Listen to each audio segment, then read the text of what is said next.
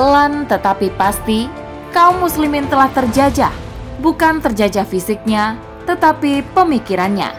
Jika sudah terjajah dari segala aspek kehidupan, umat muslim akan mengikuti tindak tanduk apa pun sesuai cara pandang barat. Mulai cara berpakaian, bertingkah laku, bahkan gaya hidup pun akan selaras dengan cara barat. Bahkan, ritual perayaan mereka pun akan diikuti. Selengkapnya, tetap di podcast Narasi Pos Media. Narasi Pos, cerdas dalam literasi media, bijak menangkap peristiwa kunci. Bersama saya Dewi Nasjak, inilah rubrik opini dengan judul Infiltrasi Budaya Barat di Hari Maksiat oleh Sartina. I love you because the entire universe conspired to help me find you. Aku mencintaimu karena seluruh alam semesta berkonspirasi untuk membantuku menemukanmu.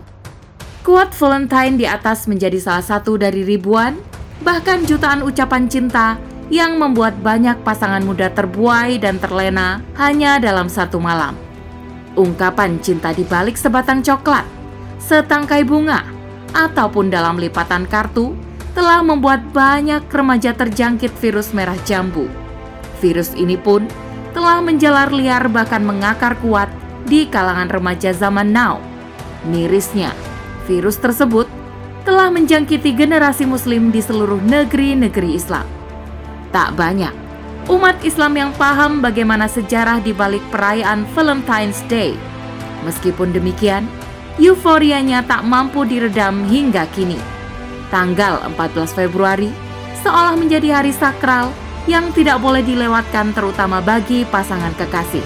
Aktivitas khas yang sudah menjadi tradisi saat Valentine, yakni seputar kencan, berpesta, tukar kado, hingga penghalalan praktek perzinaan. Zina pun seolah dianggap legal atas nama kasih sayang dan cinta. Generasi muda seharusnya menjadi agent of change sebuah bangsa. Di atas pundaknya tersimpan cita-cita mulia sebagai pengubah peradaban dunia. Sayangnya, Harapan tersebut tampaknya jauh dari realitas. Generasi saat ini tengah dilanda krisis identitas hingga mudah terombang-ambing oleh serbuan budaya barat yang datang bertubi-tubi.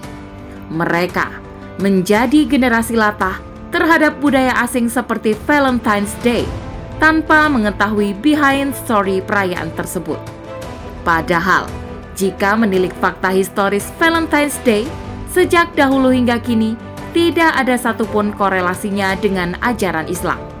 Dilihat dari sejarahnya, perayaan Valentine's Day di masa Romawi sangat identik dengan dunia para dewa dan mitologi sesat. Sedangkan di abad sebelum Renaissance atau masa dominasi gereja dan Vatikan, V-Day dijadikan sebagai dari simbol perayaan hari agama. Namun, di era modern saat ini, Fide diidentikan dengan pergaulan bebas kaum remaja sebagai wujud cinta.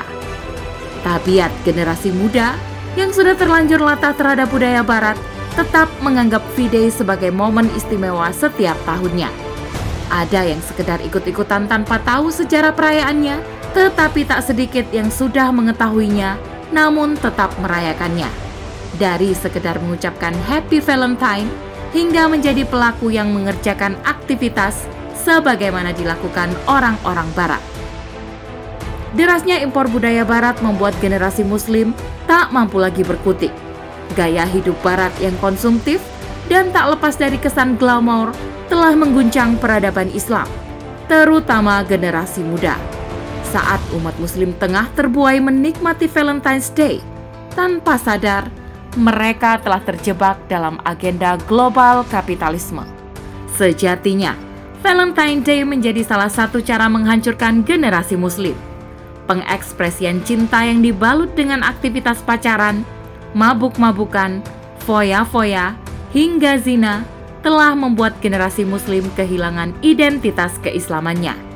V-Day menjadi jalan infiltrasi budaya westernisasi ke negeri-negeri muslim. Westernisasi pun akhirnya melahirkan generasi hedonis, konsumerisme, tidak produktif, dan apatis terhadap problem agama dan bangsanya. Wajar saja jika Samuel Huntington dalam tesisnya The Class of Civilization menyatakan bahwa dengan westernisasi, generasi Islam tanpa sadar akan meninggalkan ajaran Islam, agamanya sendiri, dan beralih mengikuti ajaran agama lain. Mereka tidak sadar karena prosesnya yang sangat halus, yakni melalui tahapan tazin, memandang sesuatu indah, tasyabuh atau menirunya, tashkik atau meragukan ajaran sendiri, tarkik meninggalkan ajaran sendiri, dan tadlil menyesatkan yang lain. Pelan tapi pasti, kaum muslimin telah terjajah. Bukan terjajah fisiknya, tetapi pemikirannya. Jika sudah terjajah dari segala aspek kehidupan, umat muslim akan mengikuti tindak tanduk apa pun sesuai cara pandang barat. Mulai cara berpakaian, bertingkah laku, bahkan gaya hidup pun akan selaras dengan cara barat. Bahkan, ritual perayaan mereka pun akan diikuti. Fakta ini meniscayakan bahwa umat Islam telah kalah dalam peperangan mempertahankan jati dirinya sebagai seorang muslim. Generasi latah tak akan lahir dalam sistem Islam. Sebab Islam telah menanamkan akidah yang kokoh terhadap setiap muslim sedari kecil.